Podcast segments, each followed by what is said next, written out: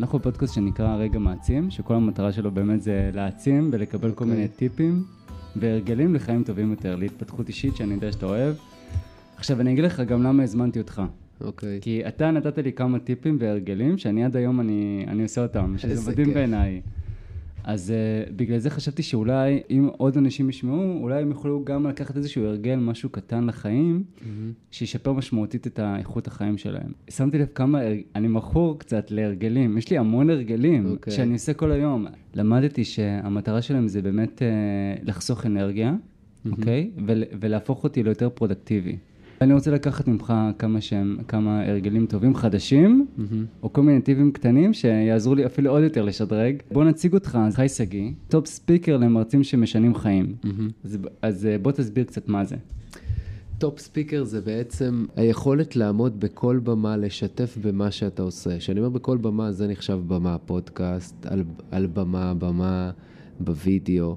זה לבטא את עצמך ולהשפיע על כמה שיותר אנשים. זו ההתפתחות האישית הכי גדולה שיכולה להיות, כי כשאתה בא ונותן לאחרים, מעבר לזה שאתה רוכש ידע עם עצמך בתוך עצמך, יש את השלב הזה שאתה יוצא החוצה, ואז אתה במגע עם אנשים, גם אתה עושה את הפודקאסט, אתה מתרחב, אתה מבין? וזה היופי של... זה top speaker, אם אתה שואל אותי מה זה. מדהים.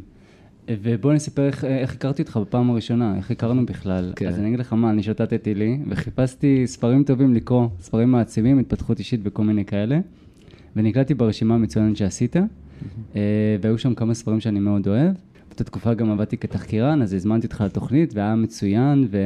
ואני אגיד לך איזה הרגל אני קיבלתי ממך. אוקיי, אז קודם כל, אני כל בוקר, כן. לא התרגע, כאילו אני עושה את זה, אבל זה לא הופך להיות קל כל הזמן. כן. כאילו זה לוקח דקה, דקה וחצי, אבל, אבל זה, זה עדיין מאתגר. כן. אני עושה מקלחת קרה.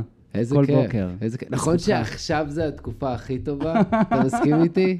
זו התקופה הכי טובה, אבל זה גם מאוד מאתגר, אני זה חייב להגיד. מאתגר, אבל זה, אני אומר לך, זה רוחני ברמות. זה הדבר הכי כיפי עכשיו. עכשיו רוחני. זה רוחני, כי זה... תחשוב, מה, אנשים נכנסים עכשיו, בואו ניקח, אנשים נכנסים למקווה, אוקיי? מים קרים, מקור מים uh, של הטבע. הם חווים חוויה רוחנית.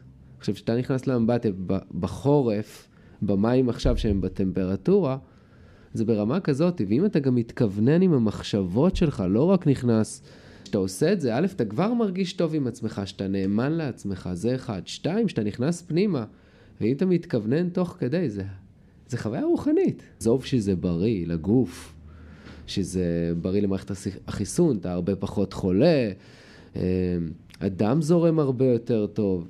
יש מיליון ואחת סיבות למה זה הדבר הכי טוב שיש. אמרת משהו יפה, מתכוונן. איך אתה מתכוונן לזה? אתה יוצר כזה סוג של התניה. אתה מבין? אני כאילו, יש לי תנועות שאני מחמם את הגוף שלי, כאילו סופר עד שלוש ונכנס. וזה כאילו, הגוף כבר רגיל לזה, ואז אתה כאילו, כשאתה עושה את השלוש ואתה עושה ככה, עם הידיים, מקווה, מי שיראה את הוידאו יראה את זה, אז זה כאילו דוך, נכנסים. אתה מבין? זה מוזר, כי אני אגיד לך מה אני עושה. כן. אני פשוט מפעיל מוזיקה, אני עושה כן. לי מוזיקה אה, קצבית כזאת תוך כדי, ואז אני מפעיל סטופר. כן. שיש לי שתי דקות שאני עושה את המקלחת הקרה הזאת. אוקיי. אני, ואז אני יודע שברגע שהסטופר מתחיל אני צריך להיכנס. מעולה, זה בדיוק זה. כל הרגל צריך איזה טריגר. גם, גם הרגלים לא טובים, יש להם טריגר מסוים, אוקיי? ואנחנו פה, אנחנו, אתה קובע את הטריגר. עכשיו, יכול להיות שזה ייראה מלאכותי לאנשים עם סטופר, אבל זה עובד. אתה מבין? המשפטים שאני אומר לעצמי ואני, שאני עושה ככה, זה עוזר לי. עכשיו, גם להרגלים שליליים, כל דבר יש משהו שגורם למישהו עכשיו לאכול. בוא ניקח הרגל, בוא ניקח דווקא הרגלים שליליים. הרגלים הם גם טובים והם גם לא טובים. אנחנו גם מודעים וגם לא מודעים. אנחנו גם בוחרים בהם, והרבה לא בוחרים בהם ולא, ולא מודעים להם. עכשיו, אתה יכול לראות, אתה יכול עכשיו לקבל איזו תשובה שלילית, וזה ייתן לך טריגר עכשיו ללכת לאכול. עכשיו, לא בחרת בזה, אתה לא מודע לזה, אבל כן, אתה יודע שיש לך חולשה למתוקים, אבל אתה לא יודע מה גרם לחולשה הזו. מה יצר את ההתניה הזו. כל הרגל, אני אתן לך דוגמה, אם אני רוצה, אם בן אדם רוצה להכניס הרגל חדש, סתם לדוגמה, בוא ניקח דוגמה קיצונית, אוקיי? כל פעם, אחרי שהוא עושה את הפלאש של השירותים, לעשות חמישה שכיבות צמיחה. זה מה שנקרא עוגן שמזכיר לי לעשות שכיבות צמיחה. סתם חיברתי בין שני דברים, שאחד מהם, אתה עושה אותו הרבה במהלך היום, ואם אתה אומר, אין לי זמן לעשות עכשיו שכיבות צמיחה, זה לא באמת נכון, יש לך את העשר שניות לעשות. זה עניין של האם אתה מספיק בוחר בזה. צריכים לדבר מה זה הרגל, למה צריך הרגל בכלל. יאללה. כאילו, צללנו פנימה להרגלים. אני אוהב לצלול פנימה, אבל בוא באמת, כאילו בוא תגיד לי, מה- מה מה ההגדרה שלך להרגל? הרגל פשוט עוזר לנו לא לקבל החלטות, אוקיי? וביום יום אנחנו צריכים לקבל המון המון החלטות. אבל תחשוב, כשבן אדם מצחצח שיניים, האם הוא מחליט, הוא חושב האם לצחצח או לא לצחצח? הוא לא חושב על זה, הוא עושה את זה אוטומטית. עכשיו, ברגע שאני מתחיל לחשוב האם לעשות את זה או לא לעשות את זה, זה לוקח לי אנרגיה וזה מעייף אותי. אתה מבין? והמטרה שלנו ליצור הרגלים שברגע שאני עושה החלטה, אין יעשה או לא יעשה. זה הרגל, ככה אני אעשה, וזה חוסך לי הרבה מאוד אנרגיה וזמן. זה כמו, אתה צוחק. אני, אני, זה מדהים בעיניי מה שאתה אומר עכשיו, כי זה בדיוק, כאילו, אני אגיד לך באופן אישי, אני שונא לקבל החלטות. זה שואב ממני המון אנרגיה, אני, בגלל זה אולי יש לי הרבה הרגלים, כי אני משתדל כמה שיותר שזה יהיה אוטומט. הבנתי שאוטומט חוסך לך המון אנרגיה, אתה יותר פרודקטיבי ואתה יותר מתקדם. כן, לכולנו יש, אנחנו רוב הזמן נמצאים על הרגלים, שאנחנו לא מודעים להם. בן אדם נכנס לאמבטיה, הוא, הוא מתנגב באותה צורה. רוב הסיכויים, אלא אם כן האמבט, המק- המגבת שלו לא שם והוא, והוא מתנגב עם המגבת ידיים, סתם אני אומר, ואז הוא פתאום מרגיש את ההבדל. עכשיו, אנחנו, אנחנו יצורים שעובדים על הרגלים, אם אנחנו אוהבים את זה או לא אוהבים את זה, אבל עדיף לבחור כאלה שיעצימו אותנו. והמטרה של הרגל טוב זה כמו שטיל עכשיו אה, יוצא לאטמוספירה, אוקיי? אתה יודע בכמה אנרגיה הוא משתמש כדי לצאת מהאטמוספירה? כמה דלק הוא משתמש? המון. 80 אחוז. ושהוא עכשיו בחלל החיצון הוא על 20 אחוז משייט לו באוויר. זה הכוח של הרגל. אנשים חושבים שצריך כוח רצון, לא צריך כוח רצון. הכוח רצון זה רק ההתחלה. מה שמחזיק אותנו זה ההרגל, וצריך לבנות הרגלים טובים, וצריך ללמוד איך בונים אותם נכון, שזה אף אחד לא לימד אותנו. רק אמרו לנו, צריך ליצור הרגל, או אתה צריך לאכול בריא, אתה צריך לעשות ספורט. אבל אף אחד לא בא ומדבר אומרים לך, 21 יום נוצר הרגל. זה יכול להיווצר גם הרבה יותר קצר, זה לאו דווקא. זה משנה את החשיבה, זה משנה הכל, זה משנה את הגוף, זה משנה... זה משמעותי.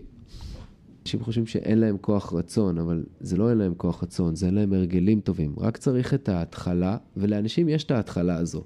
יש את הרצון הזה. אבל הם לא סומכים על ההרגל והם לא מספיק בונים את ההרגל. הם לא מבינים שברגע שאתה משקיע את המאמץ הראשוני ומודע לזה שאתה צריך להיות רק עקבי בתקופה מסוימת, אז הגוף פתאום יתחיל לעבוד לבד. אני עכשיו קם בחמש בבוקר. לאנשים זה נשמע, וואו, מטורף לקום בחמש בבוקר, איך אתה עושה את זה? אני לא עושה כלום. הגוף שלי, לא משנה, אני אשן בשתיים בלילה, הגוף שלי יפתח את העיניים וירצה ללכת לשירותים וירצה לקום וירצה לתרגל. אתה מבין? אין פה, יש פה אפס מאמץ, כי כשבן אדם צריך לצח שיניים, האם הוא מתאמץ? הוא לא מתאמץ. כשהיינו ילדים אמרנו, או, אין לי כוח לצחצח, עד שזה עפה, עד שההרגל כבר השתלט עלינו. עכשיו, מתי? לא להיות רובוטריקים, כאילו לא... המטרה היא להיות מודעים ולבחור הרגלים ובחירות שמשרתות אותנו, את הבני זוג שלנו, את הילדים שלנו, זה המטרה. זה לא כאילו, אני רואה הרבה אנשים שמדברים על אוטומציות וכל מיני כאלה, ולפעמים אתה אומר, הבן אדם מנסה להיות מכונה. אני לא מנסה להיות מכונה. אני פשוט מנסה להיות יותר נוכח וערני, ויש דברים בחיים שאני לא רוצה להשקיע בהם אנרגיה. זה כמו שמרק צוקרברג וסטיב ג'ובס, אתה מכיר את זה, את זה כולם מכירים. אובמה גם. אובמה, הם לא מחליפים, הם, יש להם אותו סט בגדים, למה צריך להשקיע בזה זמן? יש בגד שנוח לי, שטוב לי איתו, קנה אותו כמה זה, לבש אותו, מה הסיפור? ותעסק במה שבאמת חשוב לך, אם זה להשפיע על אנשים, להגיע לאנשים, מה העיקר? יש כאלה שזה חשוב להם הלבוש. אבל תחשוב כמה אנרגיה זה שאתה, מה אני אלבש היום, זה לא מתאים לי, זה לא זה. אתה משקיע המון המון זמן. עכשיו, אין נכון או לא נכון, מה נכון לך ומה משרת אותך ומה מגשים את החלומות ואת השאיפות שלך. ועוזר לך לחיות חיים במלואם. אז נגעת עכשיו בשני תחומים שהם אה, מאתגרים בשבילי, שזה השינה וזה הבגדים. אוקיי. עשיתי בדיוק את זה, קניתי חמישה אה, מכנסיים וחולצות, אה, וניסיתי באמת תקופה מסוימת, אה, עדיין יש לי אותם, אבל עכשיו כבר אה, הגעתי למקום אחר, ויש לי חולצה בצבעים שונים, וחסיים בצבעים שונים, אז לא, לא החזקתי מעמד בקטע הזה, אבל אני אגיד לך מה אני כן עושה בקטע של הבגדים, שזה חשוב לי. אני ממש יום לפני, בערב, פגז. כי בבוקר אני יודע שזו החלטה שלוקחת ממני כל כך הרבה אנרגיות, שפשוט זה יום לפני, וזה משהו ש... אחלה הרגל, אחלה הרגל. עכשיו, אני אגיד לך למה הרבה אנשים, נגיד, חשוב להם בגדים. כי יש מה שנקרא צורך להיות significance, להיות ייחודי, שמייחד אותי מאנשים אחרים. לא בא לי ללבוש את אותם בגדים, אני רוצה שאני יוצא לרחוב, שיראו שאני משמעותי, ואז זה בא לידי ביטוי בבגדים שלהם. אז זה בסדר, זה הגיוני. אז השיטה שאתה עושה היא מעולה, היא פשוט כאילו חוסכת המון זמן והמון כאבי ראש בבוקר, ובערב אתה סוף היום סוגר את זה. מעולה. הקטע עם השינה, אני חייב להגיד שזה עדיין מאתגר. אני מנסה לישון ב-10, 10 וחצי, אבל זה כמו צום לסירוגין, שדיברנו על זה גם כן בעבר, שאתה מנסה להפסיק לאכול בשעה מסוימת, אתה מנסה אה, לישון בשעה מסוימת, אבל יש כל הזמן אה, קולות מבחוץ, או כוחות מבחוץ, שכל הזמן מושכים אותך לכיוון, ואתה כל פעם צריך עוד פעם החלטות ולחשוב בראש, כדאי, לא כדאי. אז אין פה, זה, זה אומר שזה עדיין לא בהרגל. אם אתה אומר כדאי, לא כדאי, כדי שייווצר הרגל, זה מה שנקרא, זה לחתוך את כל האפשרויות. אני אגיד מילה שהיא קצת יכולה להישמע לא נעים, זה סוג של התנזרות. אני מתנזר מ-X, אני מתנזר מלשתות משקה מסוים, אני מתנזר עכשיו מלאכול מאכל מסוים. כי אם אני אגיד לעצמי, לדוגמה, אז בוא ניקח שוקולד. אם אני אגיד לעצמי, טוב, אני רוצה להפסיק לאכול שוקולד, אז לא, לא, אני אהיה קל עם עצמי, אוקיי? אני... במידתיות. אתה מכיר את זה? כל פעם מישהו אומר מידתיות, ואז סבבה, אז הוא אומר, אני אוכל פעם, פעמיים בשבוע. עכשיו, כל השבוע, מה הוא חושב? מתי הפעמיים האלה? ואז ביום שני הוא אומר, רגע, אכלתי פעם אחת או פעמיים? תשים לב כמה אנרגיה יש פה. ואז, אוקיי, בוא נגיד הוא מצליח לאכול פעמיים. בשבוע השלישי, שני, לא משנה מה, פתאום קורה לו משהו שלילי בעבודה. אתה מבין? אז הוא יישבר. כי הוא משקיע הרבה כוח רצון ומחשבה. ואם אתה אומר, זה לא אופציה עבורי, כי אני בחרתי בזה. לא כי יש איזה חוק, לא כי זה זה, כי לי, אני הבנתי, חקרתי, הבנתי שזה לי לא מתאים, לגוף שלי לא מתאים. אז אני יכול להתנזר מזה. אתה מבין? וברגע שאתה מתנזר מזה, תקופה מסוימת, הגוף לא רוצה את זה. הגוף לא צריך את זה. כל הטעם שלך משתנה, כל החוש טעם משתנה, ואתה רואה את הדבר הזה ואתה אומר, אני היום מסתכל על, על שוקולד, אוקיי? אז אני אומר, אני, אני פירוטן, אני אוכל פירות וירקות רק, ואני אומר, אין בזה נוזלים. כאילו, תביא לי את השוקולד הכי מפונפן מההימאליה, שזה לא מעניין אותי. זה לא...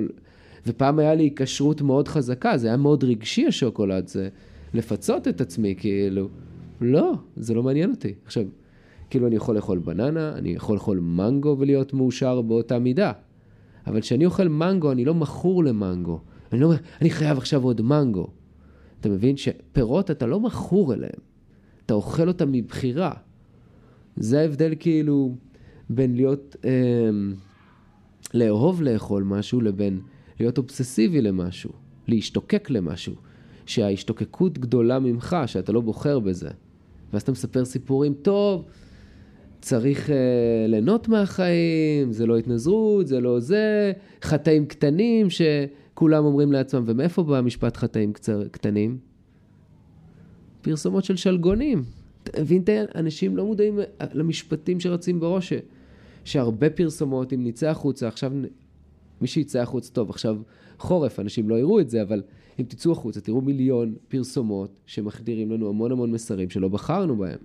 ואנחנו משתמשים את זה בשפה שלנו, ואז אנחנו, טוב, נו, חטא קטן. אין, אין לי בעיה עם שוקולד, מי שרוצה שיאכל שוקולד, אני לא... זה, אמרתי, כל אחד צריך לבחור את ההרגל שנוח לו, אבל שיהיה מודע מה זה עושה לו, ושיהיה... שהוא יחליט. זה להיות על אוטומט. אתה מבין את העניין? זה ממש לעבוד על uh, התניה. אז זה שאני מתנזר, למעשה אני מחליט, בחירה, בחירה שלי לישון בעשר, בחירה שלי לא לאכול אחרי שבע או שש. בחירה שלך. עכשיו, אם זה לא עושה לך טוב, אל תעשה את זה. אף אחד לא, אין פה חוק. אבל אם זה עושה לך, אם, תן לזה את הצ'אנס, תן לזה את ההזדמנות. אם זה עושה לך טוב, רוץ. אבל אני אגיד לך מה, לאט לאט הגוף מסתגל לכל דבר. אנשים לא, לא, ילדים לא אוהבים לשתות אלכוהול. מבוגרים אוהבים, כי הגוף התרגל. אתה מבין? לא, אתה אומר דברים מדהימים, אבל אני אגיד לך מה, אני ממש כאילו רוצה להיכנס לשם, אני לפעמים אני אומר, אני, זה הבחירה שלי להפסיק לאכול בשעה מסוימת, או לישון בשעה מסוימת, אבל אני אומר לך, אני כבן אדם, אני חשבתי תוך כדי שדיברת, הייתי חייב, כי אני אומר לעצמי, הנה דוגמה אישית אתמול, היינו במסיבת יום הולדת של חבר, וכמובן, בגלל שכולם עובדים עד מאוחר, אז חייבים להיפגש מאוחר, וגם אוכלים מאוחר, ויכול להיות שגם נשען מאוחר, אתה מבין? ואז אני אומר לעצמי, יש ערכים אחרים, כמו חברים והכול, ואני מוצא את עצמי במקום שאין לי כוח כל פעם להתווכח עם אנשים. רגע, למה אתה לא יכול לבוא? או אנשים חדשים שאפילו, אתה יודע, ידידים של ידידים, רגע, למה הוא לא יכול? מה קרה? למה צריך לאכול עכשיו? כל פעם את המלחמות תשמע, האלה. א', תלוי מי הסביבה שלך והיא מבינה אותך מן הסתם. עכשיו, ברור שכן, אתה לא ילך לישון כל יום בעשר ולא יפגוש חברים, כאילו, יש מידתיות מסוימת. אבל גם, זה מה שנקרא, גם, אני אתן לך דוגמה. בוא נגיד בן אדם מתנזר לא לאכול בארוחת אה, חג, מתנזר, לאכ... כאילו, בוא נגיד יש לו סוג תזונה מסוימת, ואז הוא בא אוכל ארוחת חג עם המש... אוקיי, יש לי רעיון. הוא לא שותה, אה, הוא אוכל בריא, הוא, לא, הוא אוכל בריא והוא לא רוצה לשתות יין והוא לא רוצה לאכול אוכל אה, לא בריא שיש על השולחן, אוקיי? ואז הוא אומר, רגע, חג, עכשיו פסח. מה, אני לא אשתה יין? נגיד שהוא שותה המון אלכוהול, אוקיי? והוא לא רוצה לשתות עכשיו אה, זה. מה, אני לא אשתה יין? אז לפני שהוא בא לארוחה, הוא צריך לעשות לעצמו החלטה מודעת. אני היום הולך לשתות חצי כוס יין לברכות. סתם אני אומר אם זה פסח. אתה מבין? לא להגיד לעצמו, טוב, אז היום אני שותה כי חג, ומחר אני אמשיך. כי מה יקרה? היום אני שותה חופשי, ואז מחר הוא יגיד, טוב, גם היום חג. כי פסח זה כמה ימים. אז יאללה, גם היום אני אשתה, ואז הוא יחזור לשתייה. אותו דבר גם עם אוכל. היום אני אוכל, היום אני אוכל מתוקים רק בגלל שזה חג, ואז גם מחר חג אז הוא אוכל עוד, ואז הוא אומר, טוב, בסוף החג אני אפסיק. ואז כל החג הוא אוכל פי עשר יותר ממה שהוא היה רוצה, והגוף שלו עוד יותר כבר מכור לסוכר, ואז כשהוא מסיים את החג, אין, אי אפשר, החגים האלה שברו אותי. כמה אנשים נופלים מזה, אתה מבין? זה מה שנקרא ליפול במידתיות, שאתה מחליט מה הגבול שלך, מראש. אתה מבין? ואז זה בסדר, ואז אתה גם לא כועס על עצמך. כי הנפילה קורית כי אנשים מלקים את עצמם. פה הבעייתיות. שאתה אומר, אוף, נפלתי עוד הפעם. לא, לא נפלת, זה מידע קטנה, יש הבדל בין נפילה למידע. אתה מידע מודעת, שאתה לא משלה את עצמך, אתה לא כל הזמן עושה מעידות ומתחיל לזה, אלא במידתיות, אם אתה עושה את זה ב, באירועים ספציפיים ולא כל כך, לא בתדירות. כי מאוד חשוב בהרגל, ביצירת הרגל חזק, זה התדירות. אתה צריך לעשות משהו שוב ושוב ושוב ושוב ושוב ושוב, וכל יום, וזה כמו שרשרת, שאם עכשיו תנתק uh, טבעת אחת, אוקיי? ועוד אחת ועוד אחת, לאט לאט השרשרת תיפול. לך יש מעידות? אתה כאילו אה, עושה איזושהי מעידה מודעת מדי פעם? תשמע, אם אני, אני עכשיו אוכל פירות וירקות, אם אני עכשיו נמצא במק... ואני אוכל בלי תבלינים, בלי תבלינים ובלי שמן, כי ככה אני זה. אז אם אני עכשיו נמצא במקום, אני רעב, אוקיי?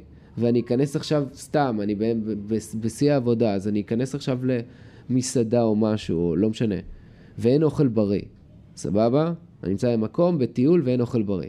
אז כן, אני אוכל סלט עם, אה, עם, עם... אני אבקש בלי המלח, אבל אני אשתדל לבקש, אבל אם זה כבר בא מוכן, אז אני אוכל את זה, אני ארגיש לא... הגוף שלי לא יאהב את זה, אבל זה, זה בסדר, כי זה, זה האפשרויות שיש לי. אבל אני לא אגיד, טוב, אין פה מה לאכול, אז יאללה, תביא את כל השולחן. לא, וגם הגוף שלי לא רוצה את זה, זה כבר היום... ברגע שאתה מתרגל למשהו הרבה, שאתה עושה אותו שוב ושוב ושוב, זה דוחה. זה כמו סיגריות, שבן אדם מפסיק לעשן סיגריות, מפסיק לעשן סיגריות תקופה, לא תקופה של uh, חודש, חודשיים, אז הוא מריח את זה, הוא אומר, זה דוחה, מה עשיתי כל החיים? זה מסריח. מתי אתה מגיע לשלב הזה של הדוחה? כי אני עדיין לא הגעתי לשלב הזה שזה דוחה. א', יש, יש שלושה שלבים. השלב הראשון, שאתה מתחיל הרגל, יש מה שנקרא את השלב שאתה יודע שתהיה מלחמה. אתה יודע שהמוח יגיד לך, לא בא לי, לא מתאים לי, או, או לא מרגיש לי, וגם אפילו הלב יגיד לך, לא, זה לא נכון לי. תתחיל לספר את הסיפורים. אתה יודע שיש את השלב המלחמה ואתה עדיין ממשיך ומתמיד. לדוגמה, בוא ניקח מישהו רוצה לרוץ. אז בהתחלה להגיד, קר לי, לא נעים לי, לא בא לי, היום אני לא ארוץ. הוא מתחיל כל הזמן, אבל צריך להבין וללמוד את זה, שמתחילים ליצור הרגל, זה שלב הכרחי. והוא לא הכי כיפי בעולם. השלב השני הוא שאתה כבר מתחיל ליהנות מזה. פתאום כיף לך, כיף לך לרוץ. אתה רץ, אתה מחכה לרוץ, אתה, שם, אתה מודד כמה אתה רץ, אבל אז, כשאתה באנרגיה נמוכה, או שקורה לך משהו שלילי, אז אתה חלש. ואז פתאום אתה שוכח את הכיף הזה, ופה אתה יכול ליפול. ופה צריך להיות מודעים לזה. צריך להיות מודעים שברגעים שאתה חלש או עייף, להיזהר כי ההרגל בסכנה. ההרגל עדיין לא מושרש. אין, אין את המלחמה המטורפת שיש בהתחלה. יש הנאה, יש התלהבות, אבל צריך להיזהר ולהיות ערניים לזה, ולשים לב שאנחנו לא עושים החלטות ובחירות ברגעי עייפות וחולשה, אוקיי? השלב השלישי, שזה כבר חלק מהטבע שלך. ש, שזה חלק מהטבע שלך, הגוף כבר רוצה את זה. אני חוזר הרבה על המילה גוף. זה הגוף, זה, הגוף משנה את ה mind, זה הכל. ו... וזה כבר, זה אתה, ואז אם זה, אם זה אני, אחד שרץ, תחשוב, ספורטאי לא יגיד, אצן לא יגיד, ריצה דוחה אותי. זה מישהו, זה כבר הופך להיות הזהות שלו. ואז אין פה בכלל, אין מלחמה כמו שהיה בהתחלה, וגם ברגעי חולשה, זה מי שאני, מה זאת אומרת? קם לאימונים, רץ. כאילו אין פה מרתון בגשם, זה, זה הקטע. ואז החוויה היא עוד יותר רוחנית, כי אתה עושה את זה על אף הקשיים ועל אף מה שאחרים לא עושים, ואז אתה מרגיש עם עצמך הרבה יותר טוב, מאשר לעשות חצי כוח. כמה זמן זה לוקח? אני יודע שהיום למשל אתה לא מתקלח במים חמים. אני לא יכול. קרה, כן, בדיוק. אבל אני עדיין אוהב מקלחות חמות ואני עדיין עושה את זה. השאלה היא כאילו, כאילו מתי, מתי זה אמור לקרות, או שאני אמור להפסיק בכלל עם מקלחת חמה למשל? א', אני חייב לציין שאני הייתי פריק, מה זה פריק? התקלחתי במים רותחים שהגוף שלי היה, מב... היה יוצא אדום, כן? ואני שחום חבר'ה, והגוף שלי היה עוד אדום. והייתי חולה על זה, והייתי מחכה לדוד הכי חם, אבל ברגע שאני מרגיש כל כך טוב עם המים הקרים, עוד יום ועוד יום, ופתאום אתה שם את המים החמים, אתה לא אוהב את ההתכווצויות של האור, אתה לא אוהב את הדברים האלה. עכשיו, מתי זה קורה? יש פה בעייתיות, כי אתה ממשיך עם המים החמים. אתה לא מתנזר. אתה מבין למה אני מתכוון? כשאני אומר להתנזר זה תקופה, לנסות, ואז תראה אם זה טוב לך או לא טוב לך. ואז אתה תראה, לאט לאט זה יהיה דוחה. אתה לא יכול לא להרחיק את הדבר ולהגיד מתי הוא יהיה רחוק מהחיים שלי. אתה משתמש במילה חזקה דוחה. לא, כי... אני לא יודע אם, אני לא יודע אם זו מילה חזקה, אני חושב שזה... ברגע שהזהות שלך משתנה, שאתה... שהרגל הופך להיות מושרש, אני אתן לך דוגמה, גם אפילו בוא ניקח הרגל שלי, שמישהו אוכל לא בריא, והוא אומר אני אוהב לאכול זה וג'אנקים וזה, זה, זה מי שאני אומר לך. קח איטלקים, פסטה. תגיד לו לא לאכול פסטה, זה כאילו אמרת לו אתה לא איטלקי. הוא ילך, ילך, ילך איתך על המוות על זה, אוקיי? על פיצה וכאלה. מה זאת אומרת? כמובן שיש כאלה שהם מודעים יותר וכאלה, נכון, אבל אני מדבר איתך עכשיו, בוא תיקח איטלקי אה, מהשורש, מה שנקרא, אוקיי? אז כן, הוא יגיד לך, מה זאת אומרת, זה אני. עכשיו לך מישהו אחר יגיד לך, תשמע, פיצה זה דוחה אותי, זה לא עושה לי טוב לגוף. ואתה חייב להגיע לשלב של ההתנזרות בשביל להגיע לשלב של התחייה? תקשיב, זה כמו מישהו ששותה טיפה, אה, אלכוהוליסט שמפסיק לשתות האלכוהול. הוא אסור לו לשתות את הטיפה אחת, כי אם הוא ישתה את הטיפה אחת, זה יחזיר לו את הסיטואציות. ואם הוא... הנפילות קורות שאתה ב... שקורים לך דברים שליליים, שהילד משגע אותך, שלא הולך לך בעבודה, שמשעמם לך, אתה נופל. או שאתה צופה בטלוויזיה ואתה לא מודע, אתה חסר ערנות, אתה פשוט אוכל לא כי אתה רעב, כי אתה יש לך את ההרגל לנשנש. אז אתה נופל. ואם אתה, אתה תשים עכשיו צלחת גרעינים מול הטלוויזיה, זה אין מה לעשות, אתה תאכל אותה. אתה אז חייב להגיע לשלב של... חייב להגיע לשלב של ההתנזרות למעשה, ואני, כן, אני אקח את זה. זה, אני... נשמע, זה נשמע לא טוב, זה נשמע לא סקסי, זה נשמע כאילו אני איזה נזיר בודהיסטי. לא, זה, זה ככה עובד. זה גם, זה רחוק מהעין, רחוק מהלב. אני אתן לך דוגמה, אני החלטתי שאני מוציא שוקולד מהחיים שלי, והייתי מכור, הייתי אוכל שוקולד 90 אה, אחוז אה, מריר. אוקיי, והייתי אומר, הייתי אומר, אני אוכל רק, רק שתי קוביות ביום. שתי קוביות האלה הפכו לחפיסה כל, כל, יום. והייתי קונה תמיד, בגלל שזה 90 אחוז, ופעם עוד היה קשה להשיג את זה, זה הייתי קונה סטוקים, הייתי קונה איזה 12-13, אם היה, הייתי קונה את כל המדף. והייתי שם בארון. ואז אמרתי, אני מפסיק, העפתי את זה מהבית. קם, והייתי אוכל כל בוקר. הייתי אוכל כל בוקר חצי, וממשיך אחר כך בערב. עכשיו, אז, כשהייתי פה, הייתי קם בבוקר, הייתי אוטומטית קם, אחרי שאהבתי את השוקולד, פותח את הארון. לא בחרתי אוטומטית, אני פותח, אז במקום לאכול שוקולד, שמתי שם צימוקים. עכשיו, מי רוצה לאכול צימוקים על הבוקר? אוקיי, אז סגרתי את הארון, ואז הלכתי למקרר ואכלתי לי פרי שאני אוהב. ואז ככה השתנה לי הרגל, אז היום אני אוכל פרי על הבוקר. אתה מבין? היום אני אוכל בננה, אני אוכל מנגו, לא משנה, אבטיח. שזה עוד, דרך אגב, עוד משהו שלקחתי ממך, אה, ומאוד כמה שראיינתי, שזה הקטע של הפירות. שכשאנחנו קטנים אמרו לנו, מה, זה מלא סוכר, וזה זה, זה bullshit, אני מצטער שאני, אבל זה bullshit, זה bullshit אחד גדול, כי mm-hmm. תאכלו פירות, תהנו מהם, זה הרבה יותר טוב מ... כי אם אתה רעב, תאכל, תאכל, אל תישאר רעב, אבל אל תפנה לדברים אחרים שהם פחות בריאים. פירות, מה שטוב בהם, הם, זה לא רק סוכר. יש שם סוכר, אבל פירות זה פחמימה. אנחנו אוכלים לחם כי אנחנו צריכים פחמימה, ויש את זה בפירות. אבל בפירות אין רק סוכר.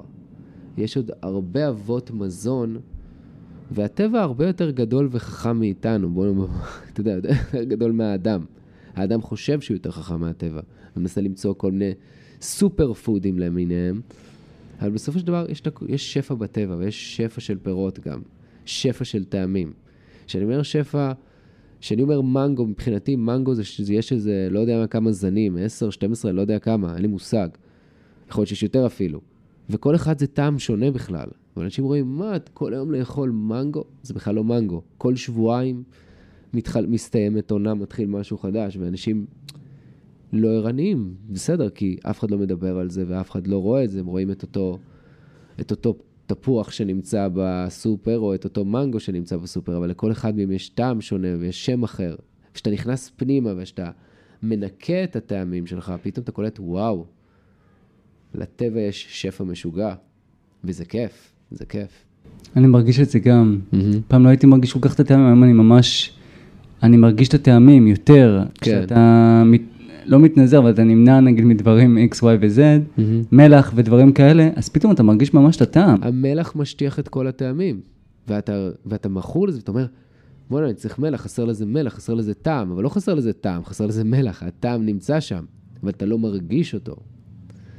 ואני חייב לציין, אנחנו מדברים פה על הרבה דברים שזה תהליך לעשות אותם. נגיד, אני לא חושב שמישהו עכשיו יכול לקום ולאכול רק פירות וירקות, זה נבנה, זה הרגל שנבנה, וצריך... אני חושב שמה שהכי חשוב זה, זה להיות, לעשות תחקיר ולדעת למה אתה עושה את מה שאתה עושה. כי אם אתה לא מבין למה לאכול פירות וירקות, זה נשמע בן אדם נפל מהחלל החיצון, או להיכנס למקלחת הקרה, זה פסיכי, כאילו, מה, זה לא נורמלי. אבל אם אתה מתחיל לחקור למה, למה זה שווה לך, למה זה כדאי לך, מה הדברים האלה עושים בגוף, ואתה מרגיש את זה, שאתה עושה את זה בהתחלה, הגוף שלך מרגיש שונה, התחושות שלך מרגישות שונה, החדות שלך, אין לך את הענן הרפל הזה בראש, את החשיבה המעורפלת הזאת, ויש לך את הערנות ואת הנוכחות הזאת, אז לא צריך הצדקה, אז זה פתאום מתחיל להיות דוחה הדברים שאתה לא רוצה אותם. אני חושב שהשלב של כל, להטמיע כל הרגל, זה כמו מישהו עכשיו רוצה לרוץ. אם הוא לא יבין למה, למה הוא עושה את זה, והוא לא מבין למה זה, זה טוב, והוא לא, הוא לא ישכנע את עצמו הגיונית, מה שנקרא, רגשית הוא לא יעשה את זה. הכוונה זה הכי חשוב. איך אתה מייצר את הכוונות אצלך? מה התהליך אצלך? א', אני חוקר לפני. אם אני עכשיו, אני, אני מבין מה אני עושה, כי אני לא עכשיו... אף אחד לא קם בבוקר ואמר, אני אוכל עכשיו אה, מנגו על הבוקר או אוכל חסה, זה נשמע לי, אם אתה שואל אותי, זה היה פסיכי, כי הייתי אוכל חצי כיכר לחם. איזה חצי? הייתי אוכל כיכר ביום. הייתי אוכל חצי כיכר עד השעה תשע בבוקר. הייתי נוסע עד מקום ספציפי ברמת גן, לחם שיפון מסוים, והייתי פשוט בנסיעה אוכל חצי, חצי כיכר. מה שחשוב זה, זה קודם כל לעשות את התחקיר, להבין למה זה חשוב לי, לנקות את, ה... לנקות את הבית מה, מה, מאותם דברים, שזה לא יהיה קרוב לעין, ולהבין שיש תקופה שאתה הולך פה... שאתה הולך פה למלחמה, מה שנקרא, שאתה הולך פה, המוח לא ירצה, אבל אתה לא מקשיב, אתה מקשיב, אני עשיתי החלטה, והאם מה? כך זה יהיה. אני החלטתי שאני רץ עכשיו, לא משנה. אין נכון או לא נכון, אין בא לי או לא בא לי, אין אולי לא. החלטתי אני בלי, אני בגדים בצבעים, אין. כאילו, לא בצבעים, בצבע אחד, זה צבע אחד, זהו. ואז באיזשהו שלב, זה, זה הכוח רצון, זה השלב של הכוח רצון. באיזשהו שלב הכוח רצון נעלם. ואז אנחנו שתים על ההרגל. עכשיו בוא נהפוך את זה נגיד ליותר קל, כי עכשיו אנשים שומעים את זה, ובאמת עכשיו לאכול פירות ואגוזים כל היום, אני לא, אני לא אעשה את זה, או ללבוש אותו בגד, אני לא אעשה את זה. אז בוא, בוא ננסה לצמצם את זה להרגלים שקצת, שאפשר להתחיל בקטן. אני חושב שכל הרגל צריך להתחיל בקטן. סתם לדוגמה, מי שעכשיו רוצה לרוץ, הייתה לי מישהי שהיא אה, הייתה, אה, היא קנתה הליכון, במשך, שילמה עליו במשך שנתיים ולא לא, לא, לא, לא עשתה את ההליכות. אז אמרתי לה, המטרה שלך מחר, כל בוקר, רק לעמוד על ההליכון. לעמוד על ההליכון שתי דקות. ומה אתה חושב שקרה לה? התחילה לרוץ. זה, זה לא הרגלים קטנים גדולים, כל אחד וההרגל שלו, אין פה גדול או קטן. אבל כל הרגל שמתחילים, צריך להתחיל אותו בצעד מאוד קטן שהמוח לא יתנגד אליו. נגיד, לשטוף כלים מיד אחרי האוכל.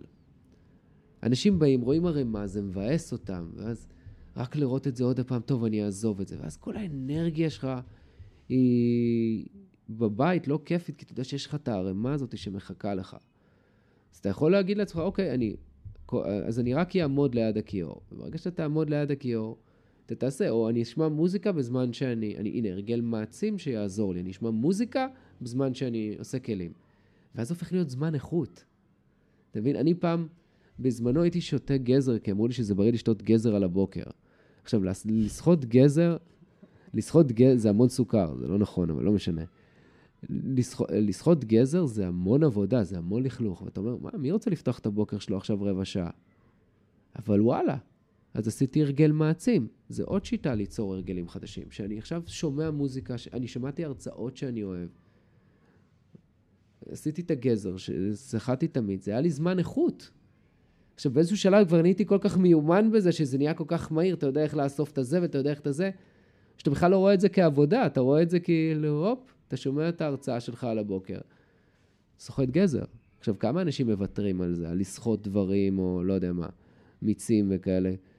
כי זה זמן ועבודה, ועדיף uh, לפתוח את המקרר ולשתות מה שיש במקרר. אתה מבין? כן, צריך להתחיל, צריך, צריך להתחיל בצעדים קטנים, שהמוח לא יתנגד, בפעולות קטנות. לדוגמה, מי שלא אוהב לקפל את הכביסה, שיגיד לעצמו, אני מקפל אה, שני בגדים, או ארבעה בגדים. וברגע שהיד שלו תתחיל לקפל, הוא ימשיך. זה ככה עובד. זה מדהים מה שאתה אומר, כי עכשיו אני אקח את זה ממך באמת. זה, זה טיפים מעולים למעשה, הקטע של השטיפת כלים. יש כלים, אין כוח באמת, או שאתה יודע, אתה מבשל, אני גם לא אוהב לבשל. כי תמיד אחרי יש כל כך הרבה ערימה של דברים, שאין, זה לא, זה כזה, אתה חושב, וואי, זה היה באמת היה משתלם, כאילו, כל. הבלאגן הזה. אבל אתה אומר, נגיד, לעמוד, לעשות איזשהו סטופר אפילו. אני יודע, אני אקח את זה. אתה אוהב עם סטופר, כי אני רואה אה, שזה חוזר, זה הטריגר שלך מעולה. אין פה נכון או לא נכון. אתה יודע, יש אנשים שפחות מתחברים לזה כי זה משהו חיצוני, ויש אנשים ש... אחלה רעיון. פשוט לעמוד ליד הכלים עוד איזושהי דקה או דקה וחצי, ופשוט אה, זה גם עם נגיד בגדים או כל מיני דברים אחרים. Mm-hmm. זה מדהים בעיניי, זה מדהים, זה כאילו, זה, זה משהו שאני יכול באמת לקחת לחיים האישיים שלי, mm-hmm. וממש, אה, גם, גם החדר למעשה, נגיד, החדר מבולגן והכל. מה, מה אתה עושה, נגיד, איך אתה, איזה, איזה כאילו צעד קטן אתה יכול לעשות? תגיד לי אתה, צעד קטן שהמוח לא יתנגד אליו. פשוט להתחיל לסדר איזשהו חלק אחד בחדר. כן, אני איש לסדר רק את השידה. הבנתי. אתה מבין? ואז כיף. בואו נדבר על סדר. סדר זה כיף. עכשיו, זה, אני אישית אוהב לסדר. למה אני אוהב לסדר? כי הרבה פעמים זה מסדר לי את המוח. זה זמן שכשאתה מסדר פיזית, זה גם מסדר לך את המחשבות, אוקיי? פעם לא אהבתי, אבל היום אני ממש אוהב את זה. אני לא רוצה מנקה, אני רוצה לנקות, אני אוהב את זה. אני באמת אוהב את זה, אני, אני לפעמים צריך, אבל אני אומר, הוא מנקה או מנקה. אני צריך את זה, אני צריך את זה לזמן שלי, לאיכות שלי. שם מוזיקה, מתחיל לסדר את הדברים, מסדר את המחשבות. וגם הרבה פעמים בן אדם שהחדר שלו מבולגן, או שהמשרד שה... שלו מסו... מבולגן, המחשבות שלו מבולגנות. כי אני אסביר לך את ההיגיון מאוד פשוט. אם אתה עכשיו, המשרד שלך מבולגן, השולחן שלך מבולגן, אתה מחפש עכשיו מסמך, זה לוקח לך המון זמן. ואז אתה מוטרד ומודאג, איפה שמתי את זה? איפה שמתי את זה? זה המון אנרגיה. זה המון המון אנרגיה.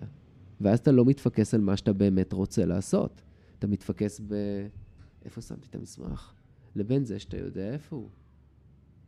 אנשים, אני לא זוכר, בארצות הברית, אני לא זוכר את המחקר המדויק, שאנשים שורפים ממש אה, שעתיים מהחיים שלהם לחפש דברים, או שעה מהחיים שלהם רק, ביום רק לחפש דברים. וזה לא קיצוני, זה מטורף. את האמת, אני, אני גם כן מאמין בזה, שכשהשולחן הוא נקי, אז, אז אתה יותר רגוע, ואז אתה יכול באמת להתמקד בדברים שחשובים. יש אנשים שאומרים, דבר ראשון שתעשה, תסדר את המיטה. יש לזה... אתה יש... עושה את זה? זה לא הדבר הראשון שאני עושה, שאני מסדר את המיטה. יש לי הרגלים אחרים, אבל כן, אני מסדר את המיטה, אני לא אצא שהמיטה שלי מבולגנת. זה לא הגיוני. מה השגרת בוקר שלך? בוא תגיד לי. ההרגל, בו- ההרגלים בבוקר. וואו. אמ, אני חייב לציין שהם משתנים, זה נשמע מוזר, אני מדבר על הרגלים והם משתנים. הם משתנים, אני, כי אני כל הזמן, ברגע שמשהו נכנס לי כהרגל, אז אני, אם אני רואה עוד משהו חדש שיכול להדליק אותי, יכול עכשיו לתמוך באיזה משהו עכשיו שאני מתעסק בו בחיים שלי, כי אתם יודעים, כל פעם בחיים יש לנו תקופות שאנחנו משקיעים באיזה תחום אחר בחיים. לדוגמה, בן אדם עכשיו משקיע בזוגיות שלו, או בן אדם עכשיו משקיע את הזמן שלו בעסק שלו, או בלימודים שלו, ואז אני צריך לי- לייצר לזה את ההרגלים הנכונים. לא להיות רובוטריק, לעשות כל הזמן את אותו הרגל. אני כל פעם מייצר הרגלים שתומכים במה שאני, במצב, בתחום שלי ובמה שאני נמצא עכשיו.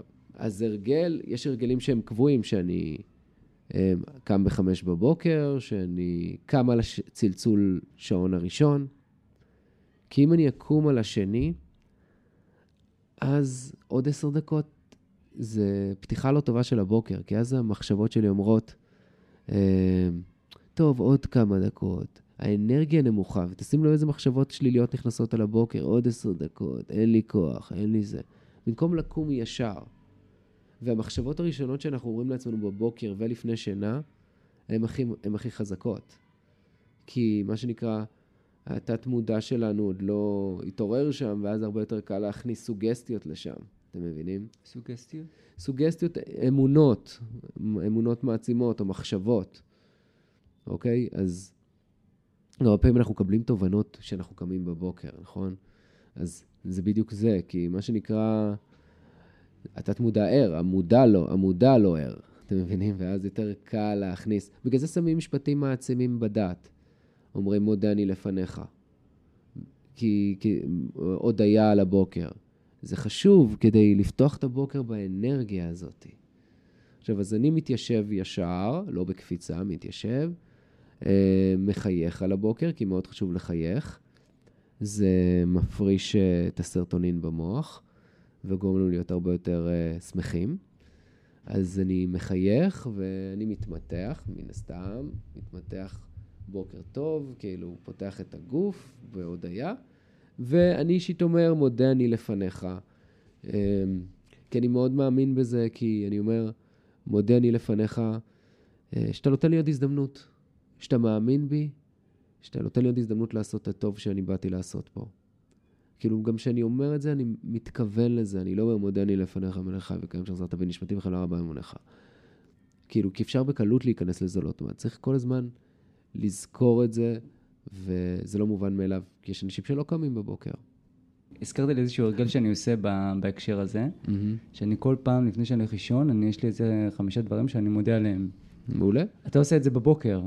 זה, זה גם מעולה גם לעשות את זה בערב, כי זה הזמן, שוב פעם, שאנחנו כבר עייפים, הרבה יותר קל להכניס לנו דברים לתוך המוח. אתם מבינים? כאילו, כמו שאנחנו רואים עכשיו סרט אימה והולכים לישון, אז קמים בבוקר, אג'י, כאילו... עצבניים. עצבניים, כן. אג'י כאלה. ולא מבינים למה, כי, כי הסרט נכנס לנו הרבה יותר עמוק. אז בגלל זה זה טוב לעשות הודעה, הודעה בערב וגם בבוקר. עכשיו, חשוב להגיד שאני אומר מודה אני לפניך, זה לא שחייבים להגיד עכשיו משפט דתי או משהו כזה. כל אחד שיגיד את המשפט המעצים שלו, את, ש, את הזה שלו. זה לא האישו, האישו זה להגיד משהו שאתה מאמין בו, שנותן לך אנרגיה לקום בבוקר. בוא, בוא נחשוב על דוגמאות. תגיד לי אתה, איזה משפט אתה יכול להגיד? בבוקר, פשוט אמרת, באמת, כי אנשים לא מבינים את זה, אנשים חושבים שהם יחיו כל החיים, סטיב ג'ובס אמר את זה יפה, אנשים חושבים שהם יחיו. אה, הרבה, זה לא נכון, יכול להיות שתקום יום אחד, או שיקרה משהו ומישהו... אתה יודע מתי הם מרגישים את זה? שהגוף חולה. Mm. שפתאום אתה חולה, אתה מרגיש את זה. פתאום אתה נהיה... אתה נהיה מודע למחלה שלך, או אם כואבת לך, תחשוב, כואבת לך יד, אתה פתאום מודע לזה שיש לך יד. ככה זה, אתה לוקח אותה, אתה עובד על אוטומט, אתה לא חושב על היד שלך בכלל. אתה מבין? אז בוא נחשוב באמת, אני רוצה באמת לקחת עכשיו, על הרעיונות על הבוקר, אני חושב שזה נפלא ונהדר א', אני ממליץ שאנשים יכתבו. אוקיי. שיכתבו את שלהם, ואז ככה אנשים ייקחו אחד מהשני, אני חושב שזה רעיון מגניב. השראה, מאיפה אפשר לקחת השראה לדברים האלה? השראה, א', יש, יש אמרות מעצימות שאפשר להגיד. יש לי גם, נראה לי, באתר איזה בנק של אמרות מעצימות, אבל... מעולה. אני בא להגיד, כל אמרה מעצימה, שוב פעם, זה צריך להיות אמרה מעצימה שמתאימה לך, כי אם אתה עכשיו מחפש זוגיות לדוגמה, אז תן אמרה מעצימה שקשורה לזוגיות, אוקיי? אה, איזה כיף לקום בבוקר, אה, לפגוש את השפע האנשים, לפגוש אה, הזדמנויות חדשות, אפשרויות חדשות, ואז המוח שלי יחפש את זה, הוא יחפש את האפשרויות ההזדמנויות החדשות, את האנשים החדשים. כי על מה שאתה מתפקס, לשם הולכת האנרגיה שלך. ואיך שאתה מדבר לעצמך, אתה מפקס את המחשבות שלך. והשאלות, עוד יותר עמוק, השאלות שאתה שואל את עצמך, מושכות את הפוקוס שלך. נהיה יותר ספציפי, השאלות. שאלות אתה שואל או שאתה רק אומר? לא, אני אומר, אבל אני אומר ששאלות זה כלי מאוד חזק. אני אתן לך דוגמה. אם אתה שואל את עצמך, הוא, אה, למה אני, למה אני לא עושה משהו, למה אני לא בריא, או למה אני אוכל את האוכל הזה, אז המוח יגיד, יענה לך תשובה מפגרת. אתה מבין? כי זו שאלה, שאלה לא חיובית. לבין איך אני מחזיק את ההרגל. איך אני קם כל בוקר עם אנרגיה והתלהבות. איך אני, אחרי ארוחה, לא צולל. כשאני שאלתי את השאלה הזאת, זה הביא אותי לאכול פירות וירקות. אם הייתי שואל, שואל איך אני מנחם את עצמי, אז זה יביא אותי לאכול אוכל שלא בריא לי, כי הוא מנחם, כי הוא אכילה רגשית. יש כוח אדיר לשאלות. אם אני אשאל עכשיו אותך, ליד איזה צבע אופניים חנית לא זוכר. יפה. אם אני, מחר אני פוגש אותך ואני שואל אותך, ליד איזה צבע אופניים חנית? ואז רוב הסיכויים שתגיד לי, אני לא זוכר. Mm-hmm. ביום השלישי שאני אשאל אותך, ליד איזה צבע אופניים חנית, מה יקרה? נזכור. אתה תזכור. למה? כי שאלות מושכות את התשומת לב.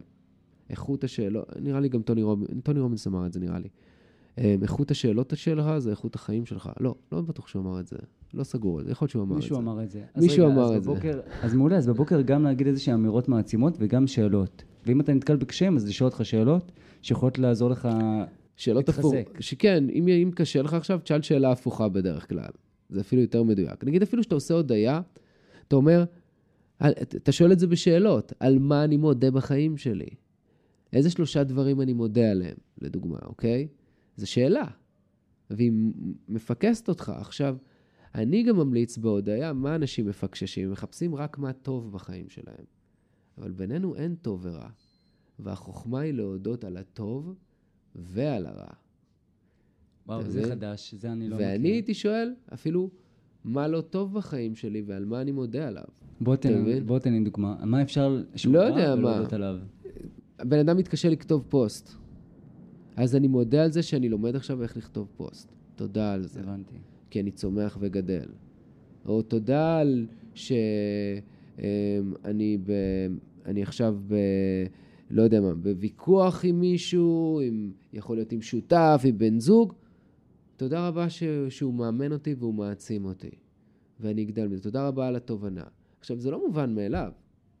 וגם כשעושים הודיה, אם נכנסים פה להודיה, היא צריכה להיות ספציפית. זה לא תודה רבה, אה, תודה רבה שאשתי בחיים שלי, תודה רבה על הבית שלי, תודה רבה, כי זה אז נהיה אוטומט, זה כללי מדי. ככל שאנחנו יודעים יותר לפרטי פרטים, גם בדמיון, ככל שאנחנו מדמיינים יותר לפרטי פרטים, אנחנו יותר חווים את זה, מרגישים את זה. אז אני יודע על משהו ספציפי, על מבט מסוים של אשתי, על איזה, איזה מבט מסוים שמישהו אמר לי, או אני יודע על מבט מסוים או על משהו שאמרת לי בפודקאסט. לא אגיד, תודה רבה שהזמנת אותי לפודקאסט. זה גם נחמד, כן? כי זה שונה, אני לא כל יום עושה פודקאסט, כן? אז, אה, אז ככה, ככה אנחנו צריכים לחשוב. אנחנו צריכים לחשוב משהו ספציפי, מדויק. משהו שמישהו אמר לנו, אוקיי? לרדת לפרטי פרטים, ואז זה יותר חזק.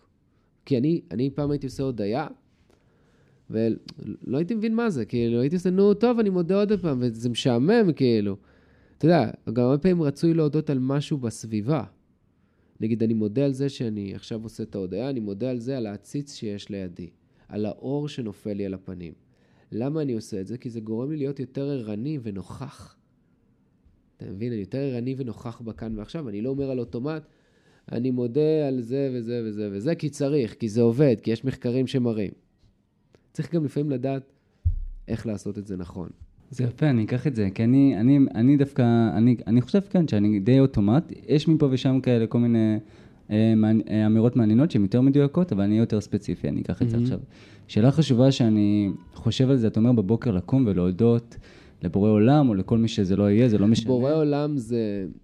זה טבע, קוסמוס, יקום, כל יודה מסטאר וורס, כל אחד והאלוהים שלו, בסופו של דבר יש אחד. להודות למשהו, על זה שאני עדיין כאן ויש לי לאן לצמוח ולגדול ולהתפתח ולהכיר ולגלות. ואני אומר, אתה אומר את זה בקול, או שאתה עושה את זה בלחישה? תקשיב, אם אני אעשה את זה במיטה ואשתי ישנה, אז אני אעשה את זה בלב, או... הרצוי והאידיאל זה לעשות את זה בקול. כי קול זה פעולה, מחשבה זה לא פעולה. על קול אפשר להכניס, על... כשאתה מדבר אפשר להכניס אותך לכלא. כשאתה חושב אי אפשר להכניס אותך לכלא. עכשיו, כשאתה, כשאני עכשיו מדבר, זה מהדהד לי בתוך הגוף, וזה גם מהדהד לעולם. ויש לזה עוצמה. גם כשאומרים אמרה מעצימה, שזה גם הרגל שאפשר לשים אותו, אמ, אמרה מעצימה שאני רוצה להטמיע בי, נגיד, בואו ניקח אם זה בדת, בדת יש את שמע ישראל, זה אמרה מעצימה. הם אומרים את זה בקול, הם עושים עיגון עם היד על, ה, על, ה, על האף. זה אמרה מעצימה לכל דבר, עם עוגן, כדי להכניס אותך להודיה, להבין שאתה, אה, שיש אחד, ולהודות על מה שיש. אתה מבין? אז גם כשעושים אמרה מעצימה, חשוב מאוד להגיד את זה בקול. זה מה שיפה גם, דרך אגב, בדת ובדתות, שיש להם מאוד עוגנים והם כאילו, יש יפה ולא יפה בכל הדתות, כן? אבל אני אומר, בגדול, זה למה יש כל כך הרבה נמשכים לזה. מה זה דת? זה סט הרגלים. סט שלם של הרגלים שעושה לאנשים סדר. אני חושב שיש פחות מתחברים, יש אנשים שיש להם אנטי, הכל בסדר. אבל אי אפשר להתווכח עם משהו שלא משנה איזה דת זה, יש, לו, יש להם הרבה מאמינים. זה מדהים, כי כשדיברת לא חשבתי על זה, והיה לי איזשהו רגע כזה מומנט, שפתאום אמרת על המקווה, שחשבתי, וואו, כן, יש, יש את המקווה עם המקלחת הקרה, שנכנסים למקלחת קרה, יש את ההודיה הזאת בבוקר, מודה אני לפניך, וכל מיני כאלה. שליהדות כבר יש את זה, אני בטוח שיש את זה גם בדתות אחרות. בטוח שזה גם לאחרות. כן, כן, אני לא, אני לא אומר מה יותר טוב. לא, כן, אני אומר... אני רק אומר, זה, זה מקסים בעיניי, כי הם כבר הכירו, אתה יודע, אה, הם כבר הכירו, אם זה קיים כל כך הרבה זמן, כנראה שיש בזה משהו ש, שגורם לזה להימשך אה, ולהצליח. אז כאילו, הקטע הזה שבאמת אה, ההודיה בבוקר, והמקווה וההתרעננות וכל זה, זה מקסים. לגבי הבקול, שזה משהו שאני אגיד לך באמת, כאילו, אתה יודע, לפעמים אתה לא לבד בחדר, מישהו מחפש משהו או משהו, והוא לא רוצה לשתף עכשיו את כל העולם, אז הוא כן צריך להיות אה, בלחישה. אתה יודע למה אני מחייך? למה? זה מצחיק. זה כמו, איזה רעשים אתה שומע בדרך כלל מהשכנים?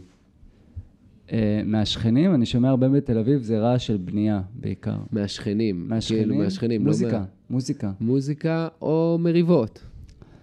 מריבות לא יצא לי. לא? אוקיי, סבבה. אתה שומע מוזיקה, אוקיי, בדרך כלל שומעים, בדרך כלל ששומעים, כשאתה שומע את השכנים שלך חיים בעולם הזה, מריבות. אתה שומע מריבות. אוקיי. אתה לא שומע אותם שמחים וצוהלים. אתה מבין למה אני מתכוון? מה שאני בא להגיד, וגם אני עכשיו חושב על זה גם אחרי השיעור שהיה לי אתמול בפיתוח קול. פיתוח קול אני עושה שלוש פעמים בשבוע. אני לא עושה פעם בשבוע. כי אני רוצה הרגל. וואו. הרבה אנשים חסמו, חוסמים את הקול שלהם מילדות. משתיקים את הקול שלהם, והם לא מדברים את הקול האמיתי שלהם. ויכול להיות שגם עכשיו אני מדבר ואני לא מדבר את הקול האמיתי שלי. אני עוד לא מספיק ערני ומודע לזה, ואני רק בשלושה שבועות הראשונים. אבל אני אומר, שאני עכשיו הולך כי אני רוצה לזהות את הקול שלי, וכדי שאני אזהה את הקול שלי, אני צריך לתרגל את זה. עכשיו, בגלל שאני עמוס, בגלל שאני מרצה המון, אז אין לי זמן לתרגל את זה. יש זמן בין לבין, אבל האנרגיה שלי היא כבר נמוכה לעשות את זה. אז אני מתחייב לאותו, לנועם, אחלה של אה, זה, מתחייב אליו לשלוש פעמים בשבוע, והאימא, לא משנה, אני בא אליו ושם אני אתרגל. אם אני לא יכול, אני לא מוצא את הזמן, הרבה פעמים צריך להביא מישהו חיצוני שיעזור לנו להתחייב. אז בגלל זה יש מאמני כושר, יש uh, מאמנים לכל דבר בחיים. חברים? חו... יכול להיות חברים, יכול להיות קולגות. רצוי אנשים שהם ב state of mind שלך, או מישהו שיפקח עליך, אוקיי? זה מאוד מאוד קריטי. או אפילו להתחייב לפייסבוק ולצלם סרטונים קבוע על התהליך שאתה עושה. זה התחייבות, וההתחייבות הזאת גורמת לנו לשמור על ההרגל. כי אני יודע שאם אני לא... אולי אני משלם, אני משלם על זה עכשיו יותר כסף מאשר לעשות את זה לבד, אבל כן, זה גורם לי להתחייב, וזה גורם לי בזמן קצר יותר להיות עם קול מלא יותר ולשמור על הגרון שלי, שעכשיו אני הרבה יותר טוב ממה שהייתי בזמן קצר. כי אני עושה, זה מה שנקרא immersive, זה כאילו שינוי אינטנסיבי. כשאני עושה סדנה, אני עושה שלושה ימים מהבוקר עד הערב, חצי שעה הפסקה. אוקיי? עכשיו בהתחלה אנשים, מה? וכשאנשים נכנסים פנימה, הם לא רוצים לצאת. כי הם מרגישים חוויה מאוד כיפית, ויש משהו באינטנסיביות הזאת שאתה מתעסק רק במה שחשוב לך, והנוירונים שלך משתנים, וכל האמונות שלך משתנות כי אתה בחוויה מאוד עוצמתית. בכלל, הרגל, יש ספר של ג'וש קופמן, נראה לי 20, 20 השעות או 21 השעות, שאם אתה מנגן עכשיו באיזה כלי מסוים, סתם לדוגמה, הוא מדבר, נראה לי דיבר על כינור או יוקללה, ואז אם אתה מנגן הרבה זמן עליו, בלי הפסקה, והולך לישון, המוח שלך חושב על זה. ואז הסקיל, המיומנות, נוצרת הרבה יותר מהר. ובגלל זה רצוי לעשות באינטנסיביות. דיברנו הרבה על הרגלים. איזה הרגל אתה חושב לצופים, או לשומעים, סליחה, הכי כדאי לצאת, לצ... כאילו לקחת לחיים שלהם? מה, מה ההרגל שעשה לך הכי טוב? ששינה לך באמת משמעותית את החיים? אין פה, זה... כל הרגל מתאים לתקופה. יש הרגלים שממשיכים כל החיים, אבל זה כל אחד מה טוב לו ונכון לו. ובמקום שהוא נמצא בו, ואם מישהו עכשיו לא בריא, אז הוא צריך להכניס הרגלים שקשורים לתזונה או ספורט.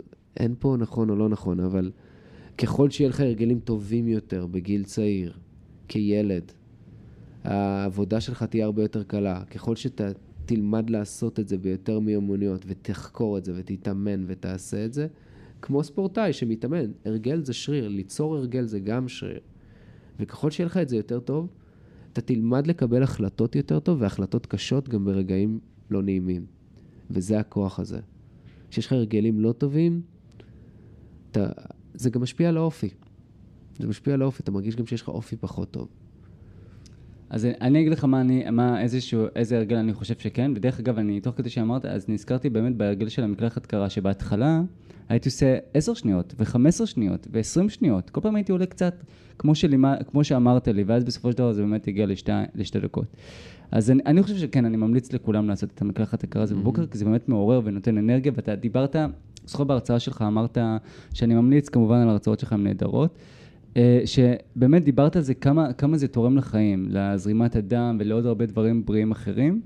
אז זה אני חושב שכן כדאי, אם אנחנו מדברים כבר על הרגלים ורוצים שמישהו יצא עם איזשהו הרגל, אז אני כן ממליץ. אה, אני חושב שדיברנו על, על הרבה הרגלים, יכולים לצאת עם המון הרגלים, אבל אני, אני באמת חושב שכל אחד צריך לעשות את ה... להחליט מה הכי חשוב לו, וגם מה הוא הכי נאבק איתו, ושם להשקיע עכשיו את ההרגל.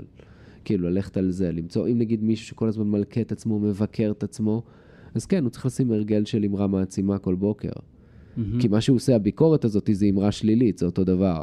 אז הוא צריך לעשות ההפך. מצוין. ואני חושב שהעלית גם את ה-accountable body, איזשהו מישהו שיפקח כן. עליך, זה יכול להיות מנטור, זה יכול להיות חבר. אני ממליץ באמת לכולם להשיג איזשהו מישהו כזה, זה לא קל, כי הרבה אנשים כזה מוותרים, אבל איזשהו מישהו שיכול לפקח עליי, אתה יודע, גם באופן עצמאי. אני אגיד לך דוגמה עליי, מה אני עושה. אני, אם אני מתחייב למשהו, איזשהו דדליין או משהו, אני יודע שאם אני לא עומד בדדליין הזה, או שאני לא עומד במה שהבטחתי לעצמי, אז אני תורם איקס אה, שקלים לאיזשה, לאיזשהו מקום. עדיף מקום שאתם פחות מחוברים אליו. כן. ואז יהיה לכם הרבה יותר אה, קשה אינטרס. קשה להוציא, כן. בדיוק, קשה להוציא. בכל מקרה, זה לא... כיף להוציא נגיד אלף שקל על משהו. אני זוכר אה, שסיפרו לי על איזשהו משהו, מישהו שכל פעם היה דוחה דברים. אז סיכמו איתו דבר כזה, אתה תכתוב צ'ק אה, לפקודה של אה, איזשהו ארגון נאצי, אוקיי? אלף שקל לארגון נאצי, ואם אתה לא עומד בדדליין, אני מפקיד את הצ'ק הזה. השאלה אם זה בערכים שלו, יכול להיות שלא אכפת לו. זה היה בערכים שלו, כי הוא בחר את הארגון הנאצי הזה. אה, אז זה מעולה, אני באמת, אה, לגבי הרגלים רעים, גם כן דיברנו על זה, אני עושה איזשהו סיכום קצר, אז זה יפה מאוד שהעלית את זה, כי זה נכון, הרגלים טובים ויש גם הרגלים רעים. איך אתה עוצר, בולם את ההרגל הרע? אמרת, התחלנו לפתח את ההרגלים הטובים שאתה עושה ממש בצעדים קטנים, אז אולי גם צעדים קטנים להשתחרר מההרגלים הרעים. למשל, נגיד אני, אני חייב לאכול שוקולד אחרי כל ארוחה או משהו מתוק. אוקיי. איך אתה מפסיק? איך אתה מפסיק את ההרגל הזה? א', שוב פעם, בדרך כלל אני צריך להיות באנרגיה מאוד נמוכה, להגיד די, קודם כל אני צריך להגיד די נמאס לי, לא מוכן לקבל את זה יותר. לא מקובל עליי המצב הזה יותר. אם בן אדם לא אומר את, את, התחוש, את המשפט הזה, זה אומר שהוא עדיין בסדר עם לאכול שוקולד, אבל כל פעם שאתה אומר אני בסדר עם הדבר, אתה מתפשר. כי אתה לא באמת רוצה את זה. אני בסדר לאכול חרא בחיים שלי, זה מה שאני אומר. אני בסדר שאני לא בזוגיות. Mm. אני בסדר שאני לא בעבודה. בן אדם מתפשר, הוא מוותר על החלומות שלו, מדבר על האנרגיה שלו. אז זהו, אז חי, אתה, קודם כל תודה לך. בכיף. זה היה, זה היה מצוין, בכיף. ואני שמח שדיברת הרבה, כי קיבלתי ממך כל כך הרבה. איזה כיף. ואני חושב שאני אקח באמת את ההודעה הזאת בבוקר, וגם אה, לפעמים, כולנו יש לנו את הביקורת העצמית והכל, אז כמה שיותר אה, להכניס אה, דיבורים חיוביים. שזה אני מכיר ויודע, אבל יותר, וזה בבוקר אני חושב שאני כן אתקדם לכיוון הזה. ובוא תגיד לנו קצת אה, איפה אפשר עוד לשמוע אותך ולקרוא ולהכיר. אוקיי, okay, אמ, כל חודש אני עושה אירוע שנקרא Top Speaker, שהוא בעצם איך לבנות הרצאת דגל ייחודית שהופכת למקור הכנסה עיקרי. באים מאמנים, מרצים, מטפלים, באים כל בעלי עסקים, עורכי דין, הייטקיסטים.